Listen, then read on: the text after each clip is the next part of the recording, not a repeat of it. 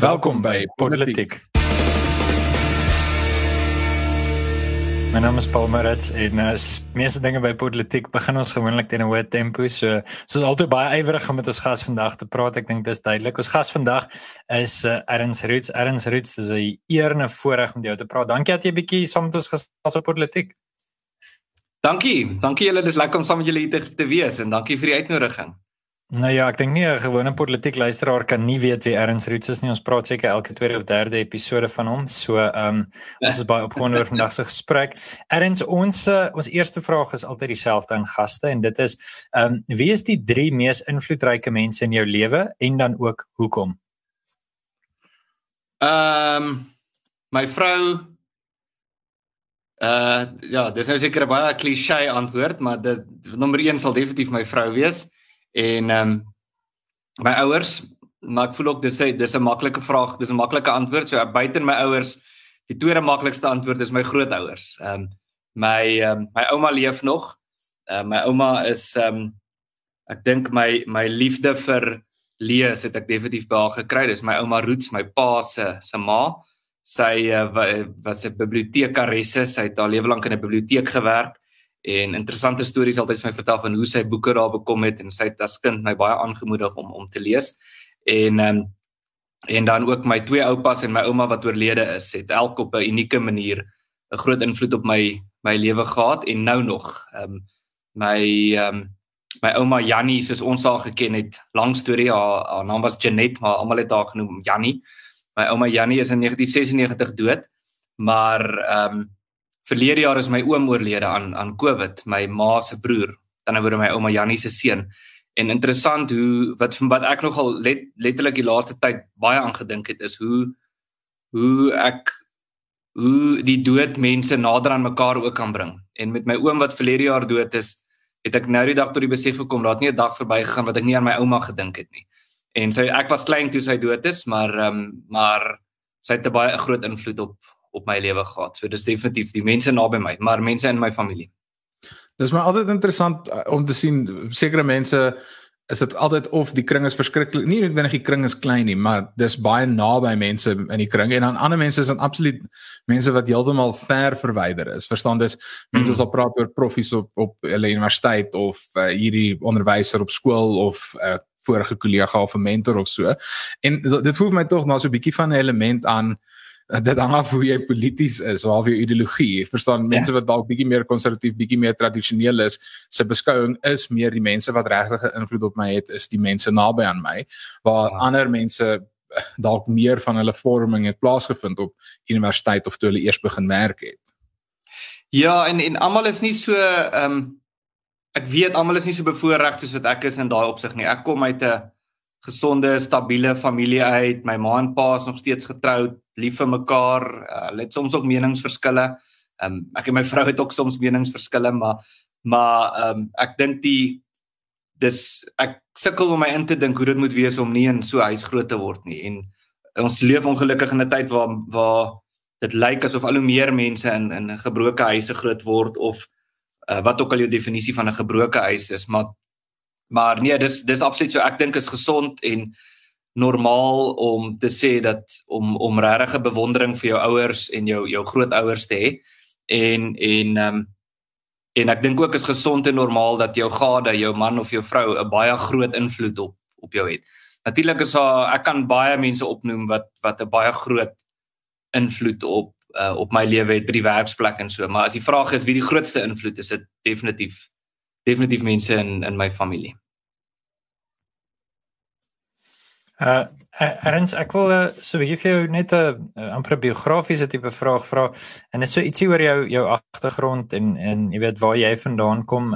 Ek ek self weet toevallig waar jy waar jy vandaan kom mm. want toe ons een keer debat beoordeel het uh, by die skool waar jy vandaan kom wat jy nou meer oor vertel. Toe het hulle 'n foto van jou agter in die saal, so toe weet ek wanneer okay goed het uh, het Erns groot word, maar kan jy vir ons 'n ja. bietjie net uh, iets vertel oor jou groot word jare? Dis nou lekker om te kan sê jou eerste vraag oor die mense um, wat jy invloed het, het alreeds 'n lekker inleiding gegee. Maar so ietsie oor waar jy vandaan kom en miskien ook hoe dit jou gevorm het. Ek ek weet dat jy weet ek het uit Johannesburg uitkom en Daniel uit Pretoria uit en so ons het byvoorbeeld wesentlik verskillende ervarings van sekere goeters. Ehm um, so miskien as jy vir ons kan vertel jy weet daar waar jy vandaan gekom het en en hoe dit jou ook gevorm het. Ja, ek ek is maar 'n plaas Japie. Ek is ehm um, ek hou daarvan om vir mense te sê ek is gebore by die Voortrekker Monument. En dis halfpad waar uh, want ek's gebore by een militêre hospitaal wat oor kan die pad is van die van die Voortrekker Monument. Ehm um, en ek was baie ek het as kind toe ek toe ek klein was het ons in Pretoria gebly. En ek dink ek was 4 of 5 toe ons getrek Jenin toe. Uh so ek het in in, in Jenin groot geword. Dis 'n Jenin se dorp aan Limpopo uh of, of Noord-Transvaal soos soos die Noord-Transvaalse boere dit nog noem. Ehm um, dis 'n pragtige dorp, dis 'n subtropiese dorp. Ehm um, hy's tussen berge, kry baie reën. Dis ek weet nie of dit waar is nie, maar ek het nou die dag op die internet gelees uh dat dit is een van die dele in die land met die gemiddeld die hoogste temperatuur. So dis gemiddeld een van die warmste dele in die land is hoë humiditeit. So ek is nog nou nog iemand wat hou van hitte. Dit pla my nie as ek warm kry nie, maar dit pla my verskriklik as ek koud kry. Ehm um, maar ek is ek het maar daar groot geword. Ek het vir 'n tyd lank op die plaas gebly. Uh waar van my familie boer. Ek het vir 'n tyd lank in die dorp gebly. Ehm um, ek was aan laerskool Zenien en toe in hoërskool Merensky wat uh, 'n landbouskool is en my my skoollewe was vir my ongelooflik. Dit was my verskriklik lekker geweest. Ehm um, en ehm um, ek sien toevallig nou dat jy daai praat oor die foto agter in die in die skool in die skoolsaal. Dis daarom nou nie net my foto wat daar hang nie die skool het so tradisie begin nadat ek daar weg is dat ehm um, mense wat in die skool was wat ehm um, een of ander groot prestasie iewers behaal het dat hulle fotos daar opgehang word. Ek weet nou nie presies wat is hulle kriteria nie.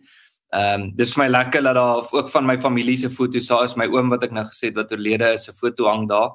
Ehm um, hy was 'n eintlik 'n wêreldbekende avokado boer.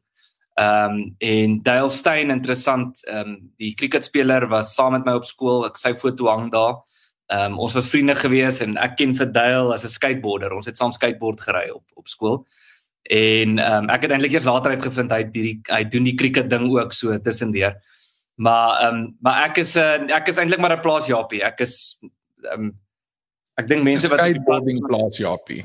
Ja, ja, 'n plaasjappie wat wat skateboard ry. Ek dink mense wat wat regtig van die platteland af kom sal my snaaks aankyk as ek sê ek se plaasjappie en sê nee, ek is definitief 'n stadsjappie. Maar ehm um, ek uh, as ek dink aan wie en wat ek is en my identiteit, dan dink ek nie aan aan 'n stad nie. Ek dink aan 'n ek dink aan daai Zenin vir alles 'n plek met daai rooi leemgrond. Ehm um, uh, ek dink aan ek, ek dink aan 'n plaas. Ek dink nie aan die stad nie. Nou en as as ek wie kan draai toe van Sanina toe gaan jy nou uit die aard van die saak tikkies toe en en is dit amper half die ek wil sê soos 'n goeie Engels sou sê die launchpad gewees die begin wat jy half op die aktivistiese roete toe gesit het en op die ouene toe gelei het tot jy wat Afriforum toe gegaan het. Ja, ek het nie natuurlik Afriforum het nie bestaan toe ek moes kies wat om te studeer nie. Ek het ehm um, regte studeer by Tikkies.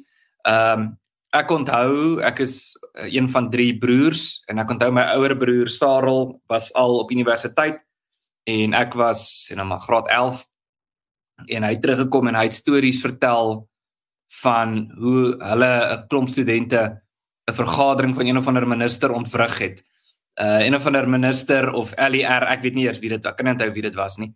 Het 'n toespraak gegee by 'n universiteit en ek dink dit was by by by TUT soos ons dit nou ken en toe het 'n klomp studente gegaan en die basies maar die vergadering ontwrig en van vrae gevra en en dit het my verskriklik opgewonde gemaak die idee van studente wat omstrede goed en aktivistiese goed doen.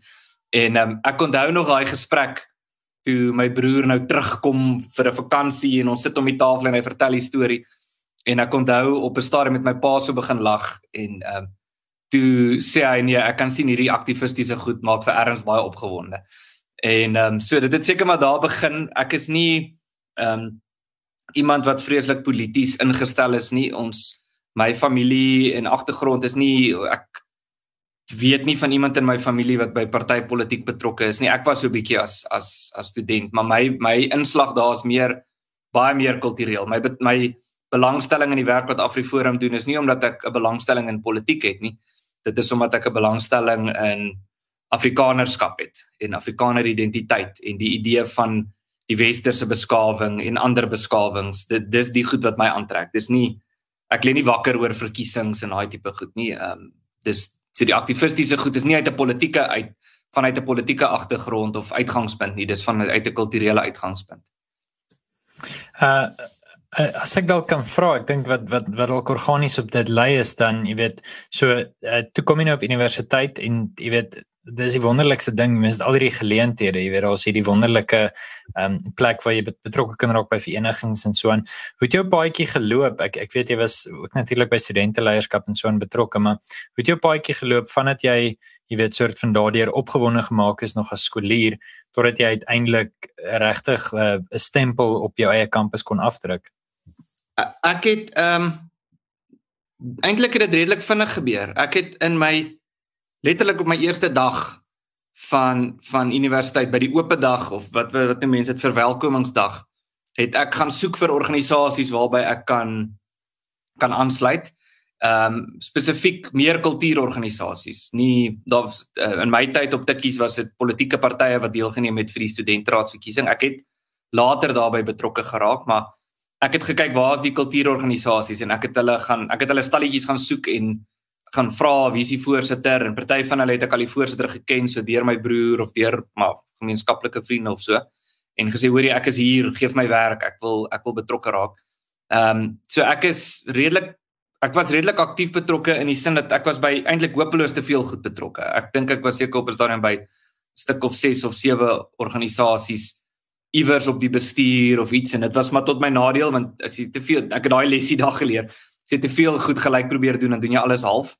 En ehm um, ek het ook nie veel van 'n sosiale lewe gehad nie. Ehm um, ek het op daai stadium 'n meisie gehad wat ook nie baie beïndruk was met my ehm um, my vreeslike besige skedule nie. My my akademiese lewe het nogal swaar daaronder gelei. Ek het nie ehm um, ek het eintlik glad nie goeie punte gekry ehm um, toe ek my LLB gedoen het nie. Ek het baie vakke moes oordoen. Ehm um, ek het dit het my eintlik lank gevat. Ek ek weet nie 6 jaar, ek weet nie hoe lank dit my gevat het om my LLB te doen nie. En ek het op 'n stadium 'n reëling getref.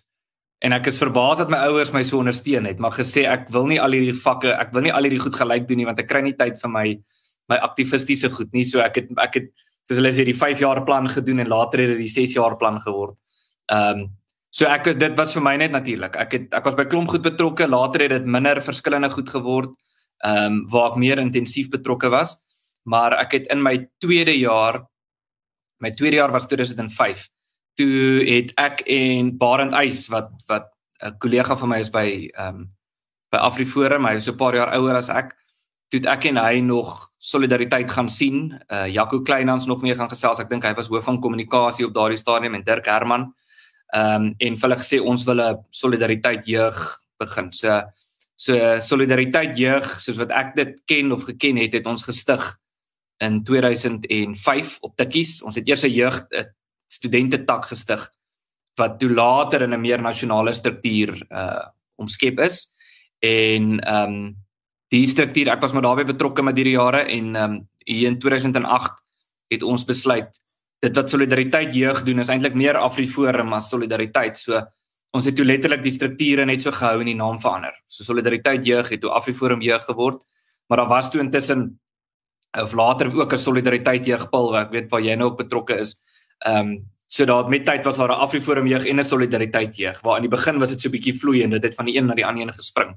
Maar dis maar ek betrokke was en in die jaar in 2006 uh was ek op die studenteraad op Tikkies en dit is ook die jaar waarin Afriforum gestig is. So ek onthou eintlik in my hoedanigheid as studenteraadslid wat maar by die goed betrokke is, was ek genooi na 'n vergadering daar by op die stoep by uh die Krimetart raadsaal soos ons dit ken daar by by Solidariteit se gebou waar Kali Kriel gepraat het. Hy was die ou van Solidariteit se bemarkingsafdeling wat nou kom praat het oor hierdie nuwe inisiatief genaamd AfriForum.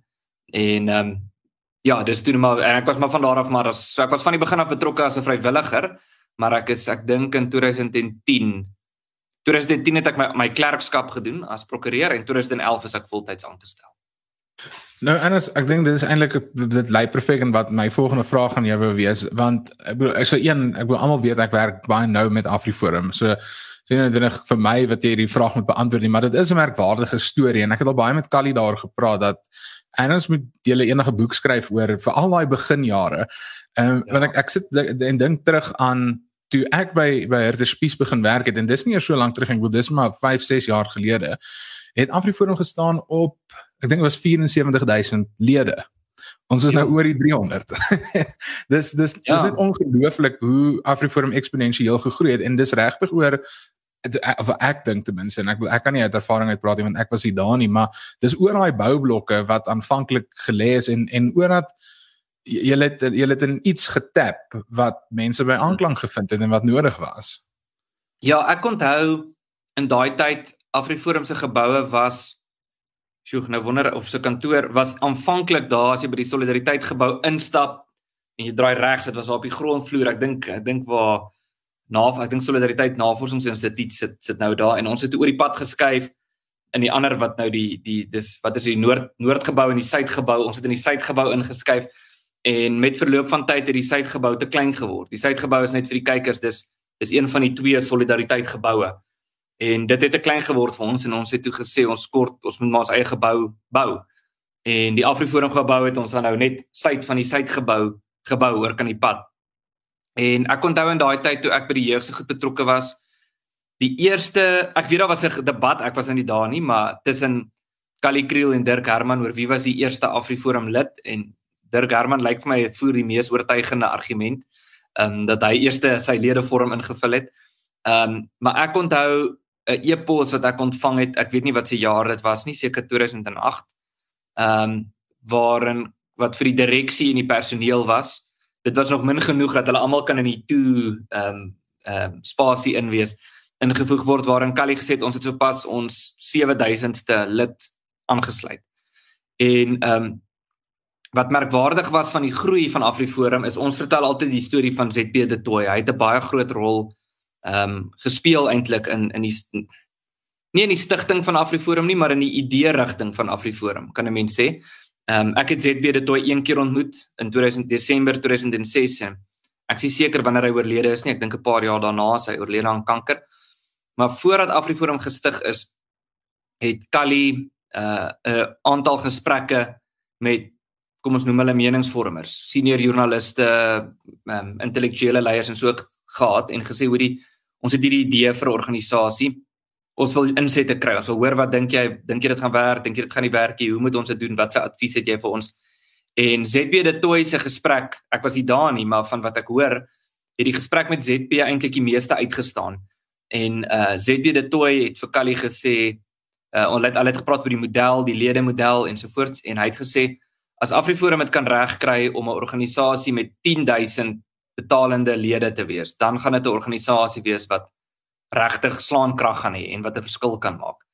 En ehm um, toe ons ons 10000ste lid aangesluit het, was ZB alreeds oorlede, maar ons het 'n ZB de toy braai gereël. Ehm um, eintlik om hierdie groot gebeurtenis te vier.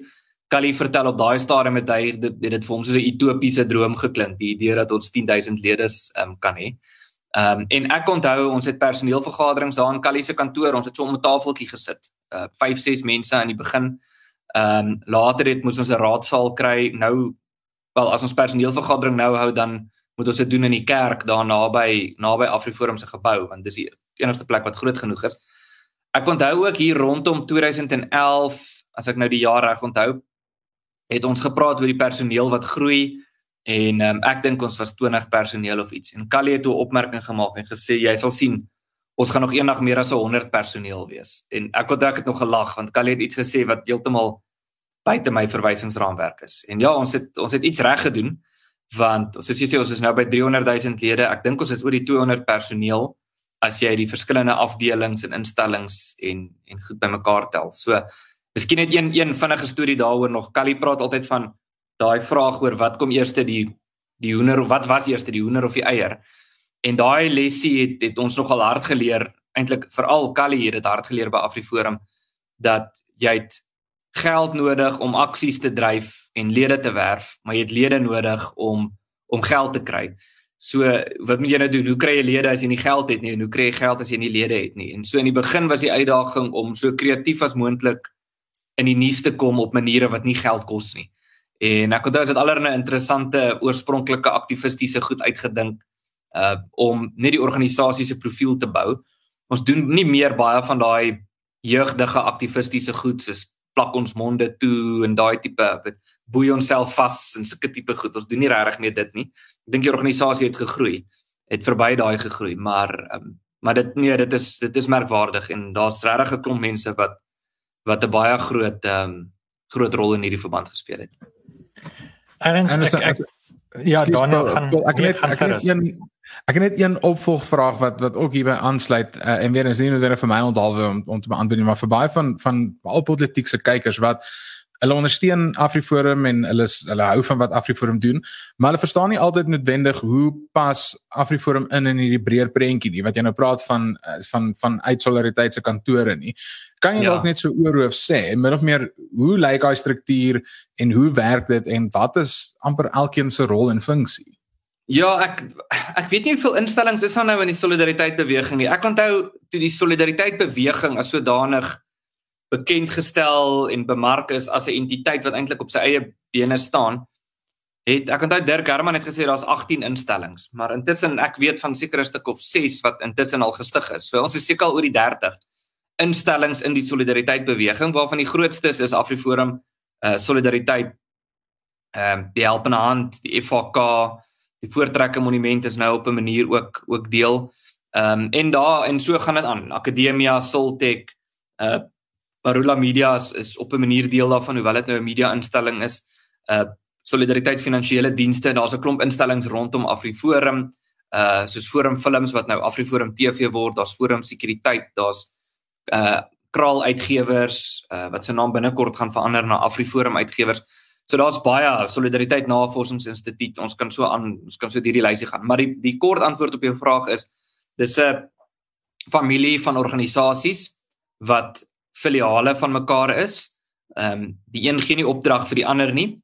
Hoewel solidariteit kan 'n mens beskryf as die pater familias van die beweging, bedoelende dis die die vaderfiguur, dis die organisasie wat nou al oor die 100 jaar oud is wat eintlik aanvanklik as die mynwerkers unie bestaan het en uit solidariteit uit is 'n aantal instellings begin. Flipbuys uh was uh in die begin van hierdie proses was hy die die hoof van solidariteit dink hoofsekretaris het hulle hom genoem. Ehm um, later is die Solidariteit Beweging Trust gestig waarvan Flipbuys nou die voorsitter is Dirk Herman het oorgeneem by by Flipbuys as as hoof van Solidariteit. Ehm um, so daar's 'n aantal organisasies of instellings wat in 'n noem dit maar in 'n vennootskap met mekaar funksioneer en dan is daar die trust die wat wat bestaan uit die hoofde van die verskillende instellings en van die groter instellings um, is daar noem dit maar adjunkhoofde of so wat ook um, ook op die trust is. Uh, so ek is nou um, ek speel ook 'n rol daar by die trust, maar dis 'n oorkoepelende koördinerende funksie. Ehm um, so dis en die kort antwoord, die korter antwoord op wat jy gevra het is as mense vra wat is die verskil tussen AfriForum en Solidariteit? Die een manier om dit te antwoord is om te sê AfriForum is 'n burgerregte organisasie en Solidariteit is 'n vakbond maar dit sê eintlik te min want AfriForum is meer as 'n burgerregte organisasie en Solidariteit is meer as 'n vakbond. 'n Ander manier om die vraag te antwoord is AfriForum uh veg vir jou vryheid buite die werksplek en Solidariteit veg vir jou vryheid binne die werksplek. So dis maar 'n manier om dit te te verduidelik vir mense. Uh Erns, ek wil ek moet natuurlik ons het die wonderlike voorreg om jou hier te hê en ek ek dink dit is dis tog nodig om so 'n bietjie by idees in te delf. Ek was nou bevoorreg genoeg om oor die laaste jaar nogals ernstig navorsing te doen oor die punt wat die ANC gewelddadig gedraai het en hoe daai ehm um, spesifieke skuif miskien met tyd oorgedra is in die EFF gedagte in. Ehm um, jy weet en uiteindelik weet ons natuurlik ietsie soos plaasmoorde wat wat jy nou onlangs in die hof baie lank gesprek oor gehad het. Dit kom natuurlik baie langer as die EFF en teenoor mense kan argumenteer plaasmoorde het al voor die groot trek op groot skaal gebeur. Mhm. Ehm um, so ek ek dink tog nes natuurlik dit dit is 'n harder tema vir vir 'n Woensdag aand se lekker gesels, ja. maar ons moet tog daarby uitkom. Uh, kan jy dalk vir my sê ehm um, hoekom is dit vir jou en hoekom is dit vir AfriForum so ontsettend belangrik om die oorkoepelende gedagte van uh vyandigheid en haat teenoor uh verskillende landsburgers, miskien spesifiek teenoor Afrikaners en dan spesifiek ook die die uitwerking wat dit het in die vorm van plaasmoorde. Hoekom is dit so belangrik om dit aan te veg? Um oor die algemeen en hoekom is dit belangrik vir AfriForum? Ja, wel dis dis dis vir my persoonlik belangrik uh, en dis ook hoekom ek by AfriForum betrokke geraak het en hoekom ek destyds by AfriForum ook dit was daarom nou nie net dit was daarom nou nie my idee nie maar ek onthou ek het ook baie sterk gevoel ons met 'n veldtog dryf teen plaasmoorde is net die belewenis wat ek as kind gehad het om op 'n plaas groot te word. Ek het nou die dag vertel vir van die Nederlandse parlementslede wat hier was. Daai daai vrees wat 'n mens as kind het jy lê in die aand in jou bed en nou breek 'n tak sien nou maar van die boom langs jou kamer en hy val op die grond en jou eerste instink is hier's iemand wat my nou gaan kom vermoor.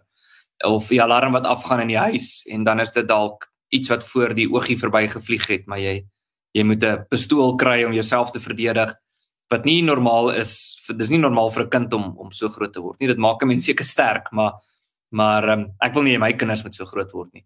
Maar so dit aan die een kant, so dit is bietjie persoonlik, verder ook in die sin dat as kind het ek mense geken wat vermoor is op plase. En daar was 'n vriend saam met my op skool, hy was 'n jaar ouer as ek wat wat een aand op 'n plaas in sy kop geskiet is. Uh uh mense wat saam met in die kerk was, al was 'n storie, nie 'n storie nie, daar was 'n uh my ouer tannie in die kerk en sy het een een Sondag ehm um, nie nie kerk toe gegaan nie en toe daai oggend het sy dit nou vermoor. En ek onthou iemand in die kerk ingehardloop om haar man te kom roep. Ehm um, so dis dis daai tipe goed het 'n groot in, invloed op 'n mens, maar ook wat AfriForum betref. Ehm um, AfriForum se lede voel baie sterk daaroor. Dis een rede daarvoor, maar tweedens ook daar is 'n groter dinamika agter plaasmoorde. En en ek dis die omstrede deel van plaasmoorde en dis die die deel waaroor organisasies soos Africa Check gewoonlik hulle penne gryp om nou te reageer en so maar daar is 'n etniese element daar agter daar is 'n politieke element daar agter daar is 'n element wat 'n 'n klankie het van van 'n vorm van etniese uitwissing. Ek sê nie et plaasmoorde is etniese uitwissing nie. Ek sê as jy net kyk hoe dit gebeur, as die ouens sê julle moet of terug gaan Europa toe of ons gaan julle in die see indryf of ons gaan julle kom vermoor. Dis die dis die tipe goed wat Slobodan Milosevic gesê het. Ehm um, en ehm um, daar's 'n identiteitselement daaraan. So dis nie net daar's baie misdaadsverskynsels in die land wat verskriklik wreed is. Ehm um, maar Die die vraag is hoekom voel Afrikaners wat in die stad bly so sterk oor plaasmoorde? Hoekom sal 'n ou wat in Brooklyn bly of Morletta Park bly 'n plakker agter op sy kar sit wat sê stop plaasmoorde as hy nie eers noodwendig naby 'n familie tot op die plaas bly nie? Ek dink mense beleef plaasmoorde as iets meer as net plaasmoorde, maar dis mense beleef dit as 'n aanval op 'n bepaalde kultuurgemeenskap. Al is dit nie net Afrikaners wat wat die slagoffers is van hierdie misdade nie, maar die hele fenomeen rondom plaasmoorde met haatspraak en liedjies soos kill the boer, kill the farmer en politieke toesprake soos alles in die land is Jan van Riebeeck se skuld en en die tipe goed vir dit dit skets die probleem as iets wat baie breër is as net 'n spesifieke misdaad verskynsel. En as nou kan ek terwyl ons dan nou op op presies daai noot is, Ek bedoel ons was nou ek en jy het vir 2 weke lank in die hof gesit en en ons is deur hierdie EFF hierdie EFF saak en ek sê ek het dit op 'n vorige politieke episode ook genoem want baie mense het gevra maar maar hoekom hoekom spandeer julle 2 weke in die hof om om 'n politikus te keer om om hierdie liedjie te sing veral as jy dit al skakel met Paul se vorige punt dat die geskiedenis van plaasmoorde is veel ouer as wat die EFF is en en hoekom fokus mense dan nou spesifiek op die EFF. En so ek wil graag hê jy moet dit beantwoord maar as ek ook 'n sterkie daarby kan las, die my antwoord baie keer vir mense is wel dit het gewerk met die ANC. Ek bedoel wat sit nou 10 jaar, 11 jaar terug toe Afriforum ook deur haatspraak saak gegaan met die ANC en met Julius Malema en sedert Afriforum met daai haatspraak saak suksesvol was, sing die grootste politieke party in die land nie meer daai liedjie nie. So ja. dit het tog 'n effek. Ja, kyk dis dis daar seker 'n lang antwoord, maar ek dink die deel van wat jy nou sê is 'n deel van die antwoord is die die magsbalans. Die ANC wat altyd praat van die balance of forces. Ehm um, ja, jy kry nog politieke byeenkomste dan sal lede van die ANC kill the boer, kill the farmer sing, maar jy sien nie meer ehm um, hierdie spesifieke hofsaak te gaan oor die lied Dubula Ibunu. Jy sien nie meer regtig leiers van die ANC wat dit sing nie. Daar was daai geval van Jacob Zuma wat nie daai lied nie, maar 'n ander lied gesing het by die ANC se eeufees. Ehm um, so dit het in 'n mate gewerk. Ek dink die ANC het besef dat hulle verloor meer as wat hulle wen. En dis een van die verskille tussen die ANC en die EFF is die ANC ehm um, word internasionaal in 'n groot mate nog beskou as die organisasie wat Suid-Afrika bevry het en al die goed en hulle het veral vanaf eintlik nie net die 90's nie, van voor seker van die wel die 80's, miskien selfs die 70's het hulle hierdie internasionale goedkeuring gehad in so 'n mate dat hulle kon eintlik doen wat hulle wou. Hulle kon letterlik mense in die strate verbrand en die internasionale samelewing het hulle nog steeds onderskryf en en ondersteun. En die ANC het op daai golfie gery vir baie lank en eers onlangs 5 of 10 jaar, kom ons sê 10 jaar terug het die ding begin swaai waar ehm um, die ANC begin besef het eintlik nog al in die tyd van daai hofsaak in 'n groot mate dat hulle is besig om internasionale aansien te verloor. Hulle is nie meer die die liefling kind van van die liberale westerse wêreld nie. Hulle was verlang gedurende die 90's in Mandela se tyd en selfs in Mbeki se tyd in 'n groot mate. Ehm um, en daai het, het begin verbrokkel. So ehm um, ek dink die ANC het agtergekom hulle verloor meer as wat hulle wen. Hulle is nog steeds 'n roekelose ehm um, onbevoegde organisasie. Maar jy ons sien dit nog steeds. Die daar's min dinge wat die ANC se ontstel soos internasionale kritiek want hulle is glad nie gewoond daaraan nie. Hulle hele DNS is geskoei op die idee dat hulle kan doen wat hulle wil want die internasionale samelewing gaan dit goedkeur. Die EFF is in daardie opsig bietjie anders. Ehm um, hulle gee nie hulle gee baie minder om as die ANC wat die internasionale samelewing sê. Ehm um, en ek dink 'n ander deel van jou antwoord is eintlik is 'n hofsaak soos hierdie nie ideaal nie. Daar's ander oplossings, ander metodes om hierdie tipe goed op te los wat baie meer ideaal is.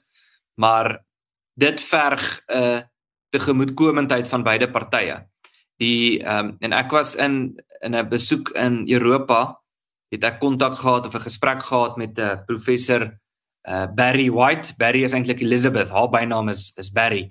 Ehm um, en sy is 'n kenner op haatspraak meer spesifiek volksmoord uh goed soos Rwanda en en dan die impak wat haatspraak op die tipe goed gehad het ehm um, op etniese konflik gehad het.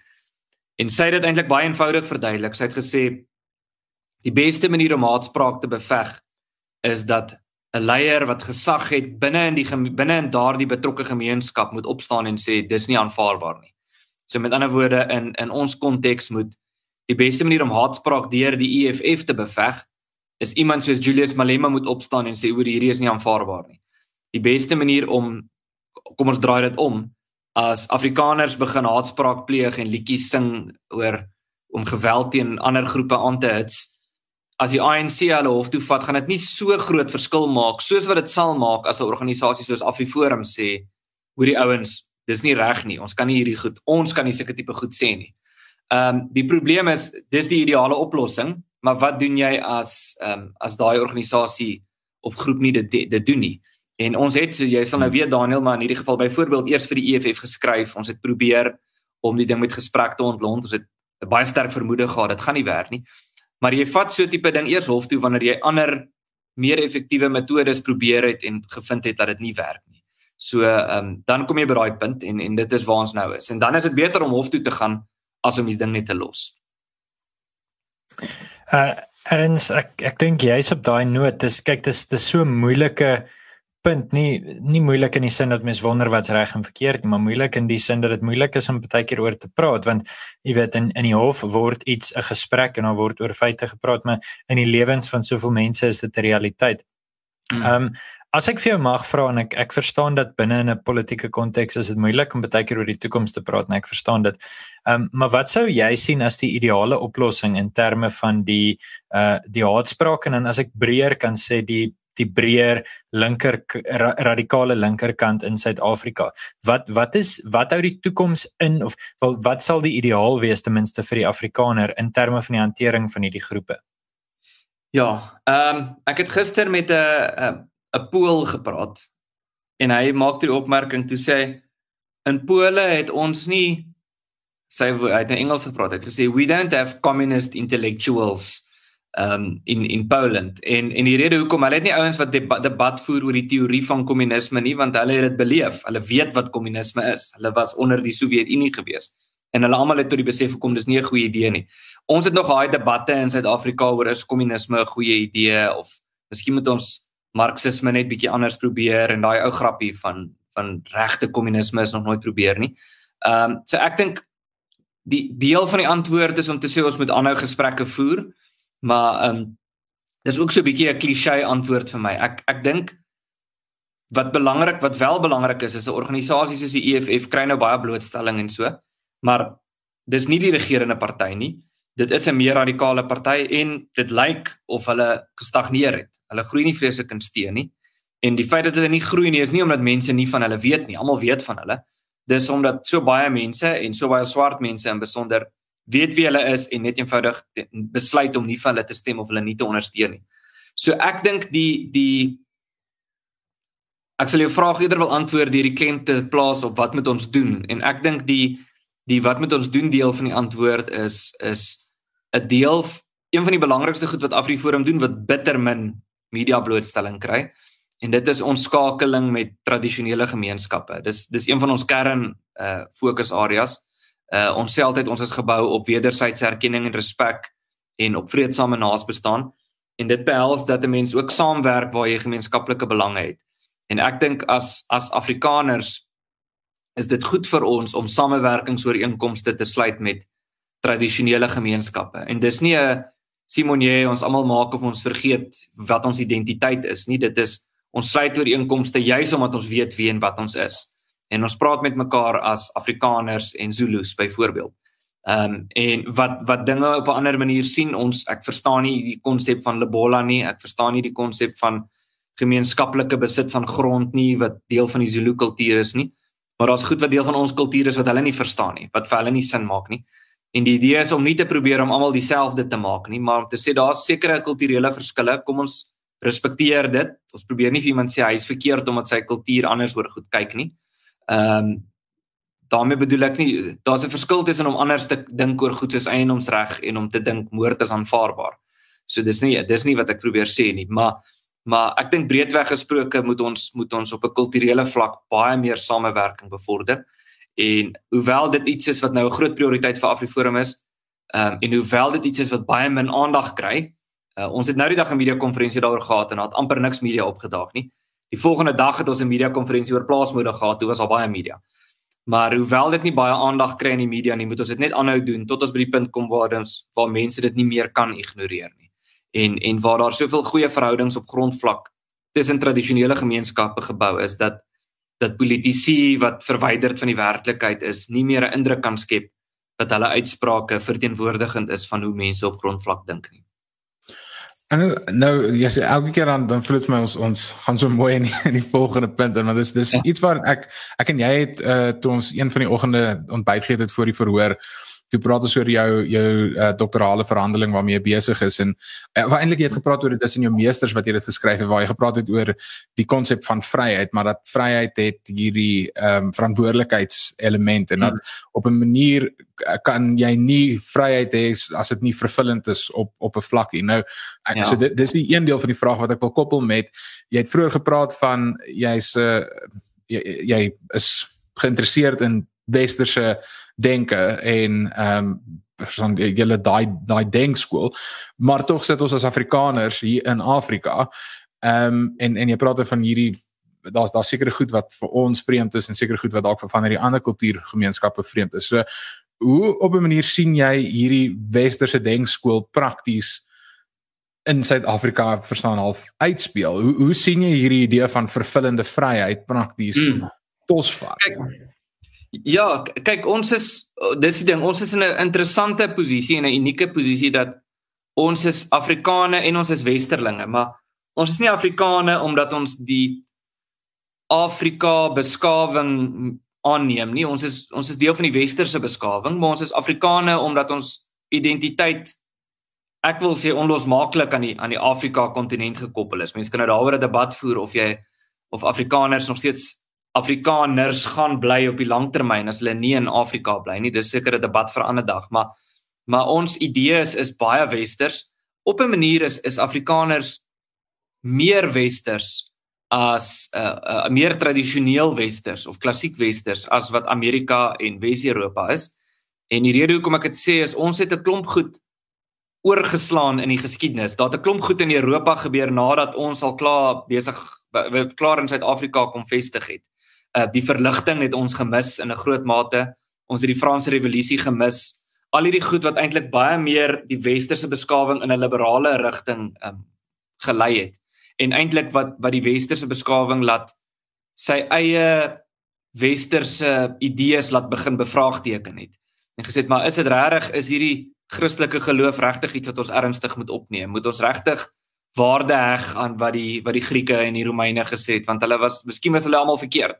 Daai tipe goed was was baie gewild in die in die in die verligting en die Franse revolusie en ons het nie heeltemal gemis nie, maar ons was klaar hier toe dit gebeur het. Ons het maar die invloed indirek gekry deur maar soos wat wêreldpolitiek ontwikkel het.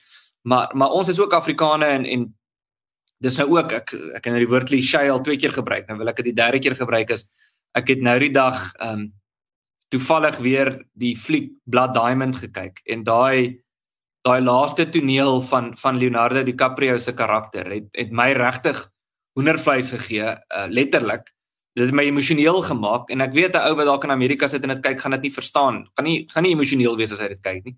Want dit gaan oor die hele die hele tema van van hoe ons ouers en ons voorouers hier gewoon ges, gewerk, gesterf het en daai die metafoor wat hulle daar gebruik is Afrika se se se grond is rooi omdat soveel mense al se bloed al gevloei het in in hierdie grond.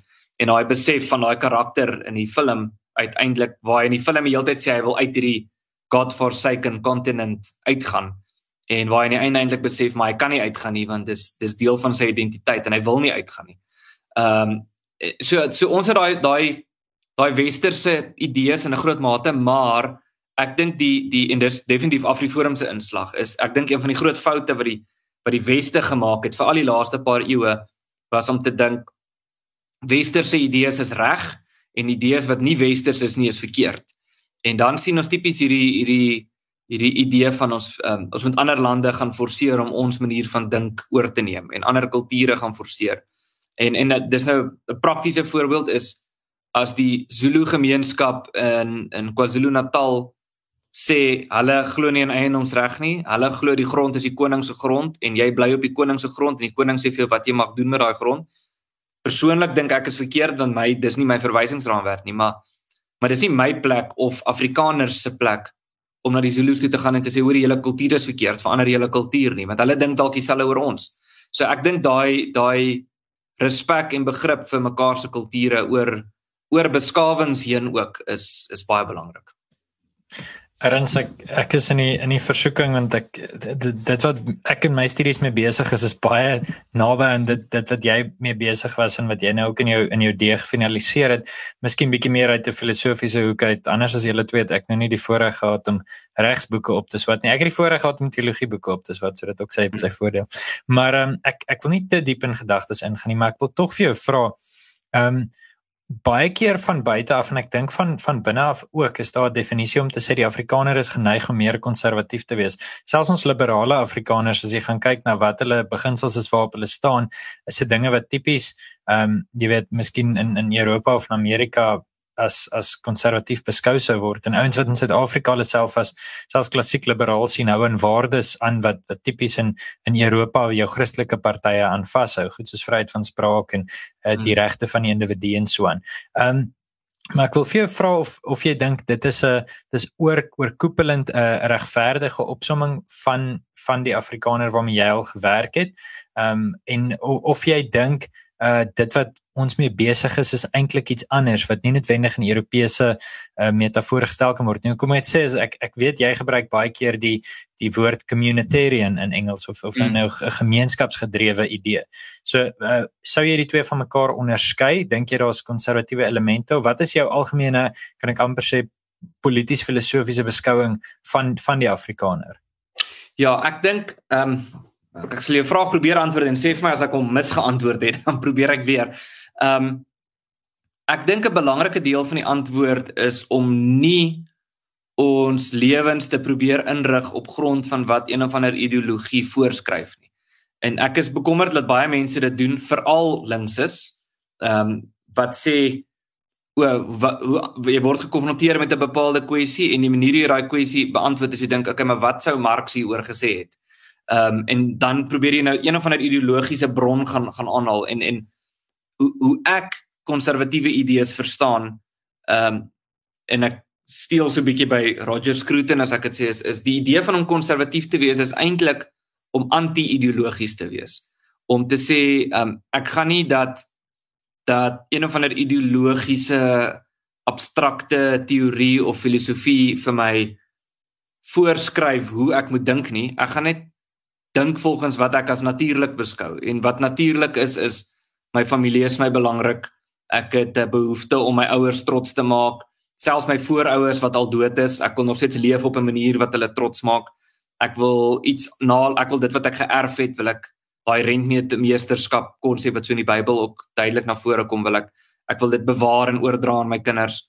Ehm um, so ek dink die belangrike is om nie om nie te probeer om ons lewens in te rig volgens wat een of ander ideologie voorskryf nie. Ehm um, maar daar's daar's al die groot ideologieë het 'n element van waarheid weet en en liberalisme ehm um, ek dink byvoorbeeld net om my punt net daai af te rond is ek dink dit is 'n fout om ek was nou al in 'n debat wat Daniel nogal gefasiliteer het oor communitarianism versus individualism. Ehm um, waar ek die communitarian kant geargumenteer het, maar ek dink is 'n fout om te sê ek is 'n communitarian en dan te probeer vasstel wat beteken dit en dan jou lewe daarvolgens in te rig. Die daai was nou 'n debat wat so gestruktureer was, maar die punt is ehm um, hoe hoe kom ek antwoord dit so? Ek dink hoe die miskien is dit die antwoord op jou vraag hoe die hoe die ou Grieke dit gesien het en Plato nogal veral het dit nogal nogal so verwoord is vir hulle was daar nie 'n debat tussen communitarianism en individualism nie vir hulle was daar net een vryheid daar was nie 'n debat oor wat is nou vryheid nie ehm um, die en dis eintlik nog duideliker in die Bybel uh die idee dat as jy net eenvoudig doen wat jy wil en jy jy gee net toe aan al jou drange en behoeftes dan is jy nie vry nie dan is jy 'n slaaf jy's 'n slaaf van sonde Ehm um, so die idee van jy's net absoluut vry om almal moet net almal is absoluut vry om net te doen wat hulle wil is is jy's nie vryheid nie. Uh, dit is eintlik wat jy vandag in 'n manier as liberale vryheid kan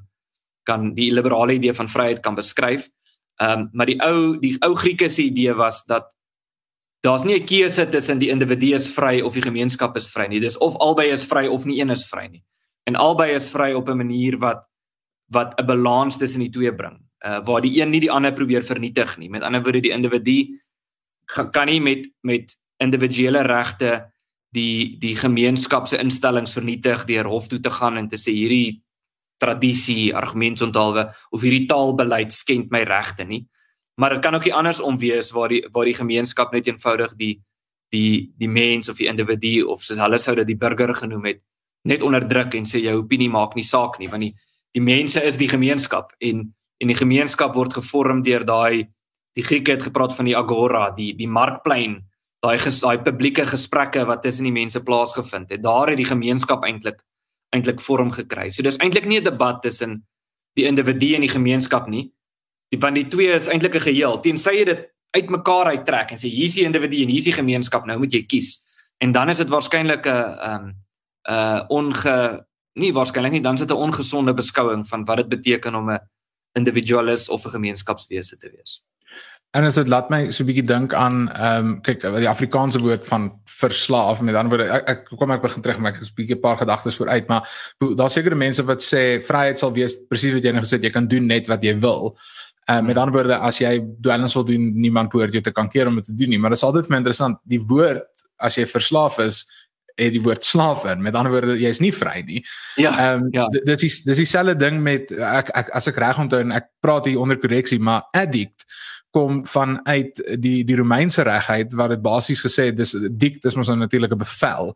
En dit ja. het gesê dat dis 'n bevel wat gemaak word dat jy is nie meer vry nie. Dit is 'n bevel wat jou 'n slaaf gemaak het. Dis waar die woord addict vandaan kom. Hmm. ehm um, en en en dit dit beskryf eintlik vir my op 'n manier redelik mooi ten minste my persepsie van van vryheid. Dis dis vryheid plus verantwoordelikheid. Of soos wat jy dan verwys het in een van ons gesprekke dis daai vervullende vryheid en al maniere hoe jy daai vervullende vryheid bereik is deur 'n nakoming van 'n plig of 'n nakoming van 'n verantwoordelikheid. Ja, kyk die die ehm um, een van die ouens wat ek nou aanhaal in my studies is Steven Pinker wat wat in sy boek Enlightenment Now sê vryheid behels vryheid sluit in die vryheid om jou lewe te vernietig of jou lewe te verwoes.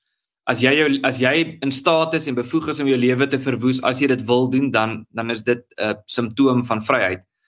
Maar as jy dit sê gesê het vir iemand soos Paulus, sou hy waarskynlik gesidder het. Paulus sou dit anders gesien het. Paulus het gepraat van van hy die littekens die littekens op sy lyf is 'n teken van Jesus. So hy hy sou dit gesien het van ehm um, van jy kan vleeslik, jy kan jy kan gemartel word vir dit waarna jy glo en dan is jy vry.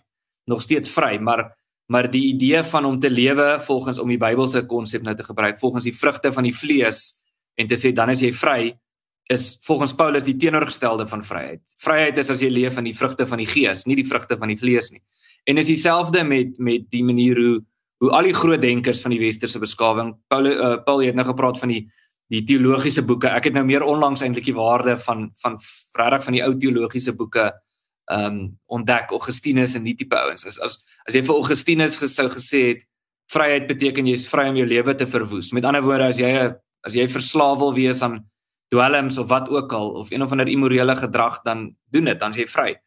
Hy sou gesidder het as hy dit gehoor het. En dieselfde geld vir die ou Romeine, die ou Grieke en en dit is eintlik wat die westerse idee is. Die nuwe idee is eintlik ehm uh, hierdie nuwe idee van wat vryheid beteken is eintlik 'n eintlik 'n verwerping van die westerse idee van van vryheid. En en ek dink dis dis tragies dat 'n mens daar is en ek hoop dat die westerse dat die weste eintlik op 'n manier weer sy voete vind en en daai daai ou waarhede weer ontdek. Erns vir my kan daar vir laaste vraag nou weet ek Daniel het nog gevra daarna maar ek ek wil so 'n bietjie vir jou ehm um, dalk 'n meer persoonlike vraag vra. Jy te doen met met geweldige ek dink enigste Afrikaanse woord wat ek nou daaraan kan vind is seker maar haat jy weet um, ek ek ek het ek het self op kampus tydens feesmast vol optogte gehoor hoe ek doodgemaak gaan word en hoe ek in klippe gestene gaan word en jy weet dit ek onthou in daai oomblik ek was jy weet dit dit vang 'n mens. Jy dit dit hmm. jy weet in selfs al is dit 'n dreigement met 10 mense wat jy weet leeg is dis nie lekker om daai aand jy weet te slaap en te weet daar's mense wat dit van jou gesê het vandag nou ek dink jy het dit al op 'n baie groter en baie sterker skaal ervaar baie hotel op sosiale media ervaar en so aan ehm um, wil jy miskien ietsie sê oor hoe jy te werk gaan um, in in terme van hmm. verwerking daarvan en waar jy ehm um, hoe jy dan die volgende oggend weer opstaan en en met 'n glimlag, jy weet, uh, kantoor toe draaf en en aangaan met dit wat jy gedoen het. Ja, ek dink dit dis nou 'n goeie laaste vraag wat aansluit by die eerste vraag. Dit is die rede hoekom ek die laaste tyd so baie aan my ouma dink wat in 2006 oorlede is. Sy was nogal 'n ehm um, ek onthou haar, ek was soos ek sê ek was uh 10, 11 toe sy dood is en ek onthou haar as 'n baie vurige Afrikaner vrou. Ehm um, ek het uh, as kind geweet wie Max de Pre is want my ouma het vir my vertel van Max de Pre. Hy het daai program Agenda aangebied in die 1990s.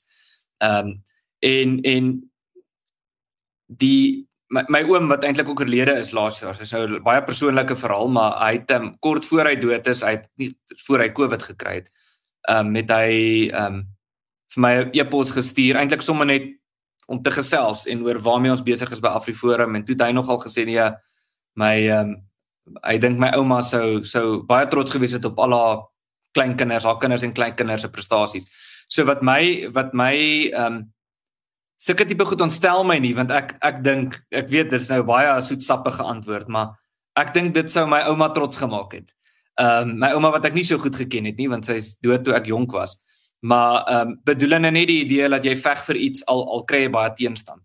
Wat ek wel kan sê En dis nou seker 'n harde ding om te sê of 'n omstrede ding om te sê, wel 'n paar goed. Eerstens, ehm um, ek sukkel met die met die begrippe links en regs want ek weet wat links beteken. Ek sukkel om te verstaan wat regs beteken. Daar's my te veel verskillende regs beteken basies jy's reaksionêr teen die links is. Ehm um, nou as mens nou regtig objektief daarna kyk, sal mens kan mens kan mens seker sê AfriForum is sentrum regs. Jy kan seker dit sê. Ehm um, maar wat my wel veral in die begintyd toe ek by die jeug se goed wat ek opgeval het is dat kritiek van links af het my baie minder ontstel as kritiek van regs af. Bedoelende as iemand vir my gesê het ek is 'n uh, mal regse of ek is 'n rasis of wat ook al en ek weet dis nie waar nie dan het dit my nie vreeslik ontstel nie.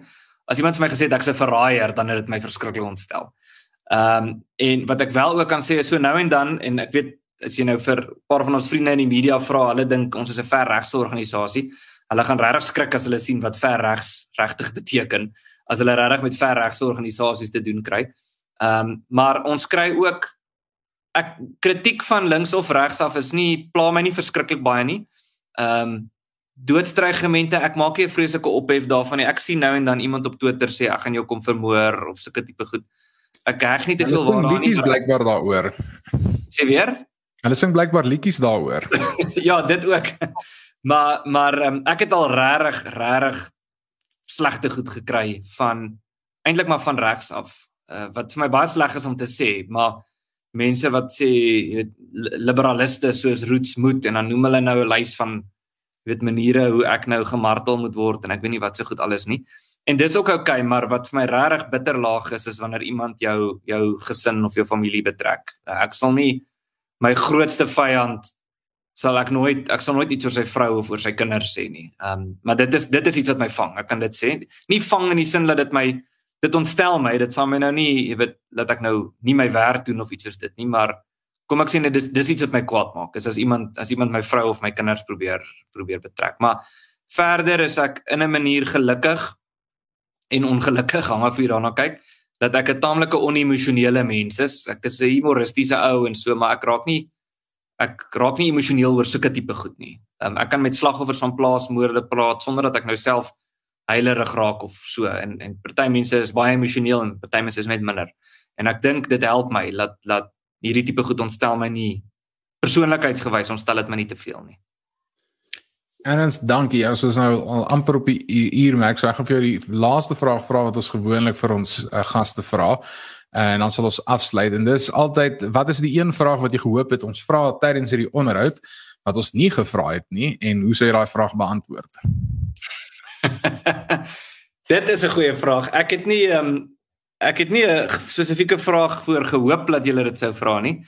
Maar ehm um, ek kan miskien net so 'n staaltjie vertel wat so half verband hou met um, met jou vraag is ehm um, ehm um, oor oor moeilike vrae wat 'n mens al gekry het. Ehm um, ek dink ek is gelukkig in 'n in 'n goeie posisie waar ek ek al regtig baie media onderhoude gedoen het en gewoonlik is 'n 'n goeie media onderhoud word meer gedeel as 'n slegte een. En ek weet daar's mense wat 'n persepsie het dat dat wat oor by onderhoude is altyd goed, maar dit is nie noodwendig so nie. Ek het al baie onaangename ehm um, onderhoude gehad en ehm um, ek onthou ehm um, ek onthou 'n paar vreemde posisies waarin ek al was. Ek onthou in ehm um, ek het een keer mense sê altyd vir my hulle weet nie hoe bly ek so kalm in onderhoude nie. Maar die interessante ding is partykeer dink ek ek het regtig my meer verloor En dan kyk mense die onderhoud en dan lyk jy kalm. Jy was seker net inwendig woed, inwendig woedend.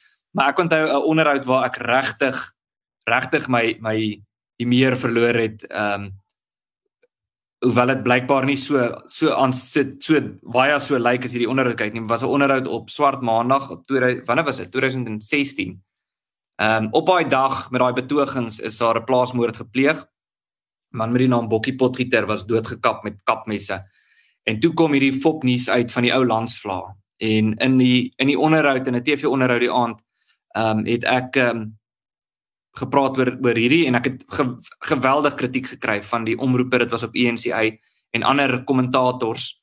Dit dis nie asof ons die dag gereël het nie ons was betrokke daarbey en en op 'n stadium toe sê ek en die joernalis praat oor die vlag en ek sê maar dink net gou hier dan jy probeer praat oor 'n storie dat iemand 'n vlag geswaai het Maar hierdie storie gaan oor mense wat vermoor word en en op hierdie dag was iemand vermoor op so 'n manier en ek begin toe vertel wat met Bokkie Potgieter gebeur het en die joernalis onderbreek my toe. Hy sê nee, ek wil nie daaroor praat nie. Ek wil praat oor die vlag. En ek het my regtig regtig my meer verloor op daai oomblik. Um en ek was so kwaad toe die onderhoud klaar was het ek wat ek ook nog nooit gedoen het nie. Ek het die mikrofoon, as ons met die mikrofoontjies wat hulle opsit, ek het dit onmiddellik afgehaal en ek het vir hulle gesê ek het beter goed om te doen. Ek het die mikrofoon neergesit en ek het uitgestap ehm um, wat nie professioneel is nie, maar so soms gebeur dit. Maar ehm um, maar nee, ek dink ons is geseënd. Ons kry baie steun van die publiek af en en ek dink ook ons is mense, ons maak soms foute, maar die goeie ding is as 'n mens net ehm um, as 'n mens aanhou om in die regte rigting te werk en vergewe mense jou gelukkig wanneer jy 'n fout maak. En ons baie baie dankie. Dit was regtig 'n voorreg om jou uiteindelik op politiek te kry. Ons wou dit al vir vir jare gedoen het en ek bly ons kon kon uiteindelik. Ehm um, net voordat ek afsluit, waar kan mense uh, as hulle meer wil hoor oor AfriForum of by AfriForum aansluit of enigiets uitvind, waarheen kan hulle gaan? Wie moet hulle kontak? Wel die die maklike antwoord is AfriForum se webblad as jy wil aansluit. Uh afriforum.co.za. Um, AfriForum is op sosiale media op Facebook, Twitter, uh Instagram, uh Telegram. Um ek dink AfriForum is op TikTok ook. Ek is te oud vir TikTok. So ons is ons is redelik beskikbaar. Ek dink is maklik om AfriForum op te spoor. Ek is ook op meeste van daai platforms behalwe op TikTok. Ehm um, ja, ek dink is maklik en en mense kan vir ons 'n e-pos opstuur. AfriForum by afriforum.co.za. Dit gaan na 'n sentrale ehm um, 'n uh, plek toe by die kantoor en van daar af word dit gestuur na wie ook al die die relevante persoon is om daai e-pos te, te antwoord. Great, en dankie. En dan om af te sluit om vir ons groot vriend Julius Malema aan te haal, is hierdie episode vir nou ook eers verby, at least for now. Maar as jy hou van wat ons doen hier by Politiek, klik op die subscribe knoppie, klik ook op die klokkie sodat jy altyd kan sien wanneer Politiek regstreeks is en wanneer ons van hierdie lekker onderhoude en gesprekke hou.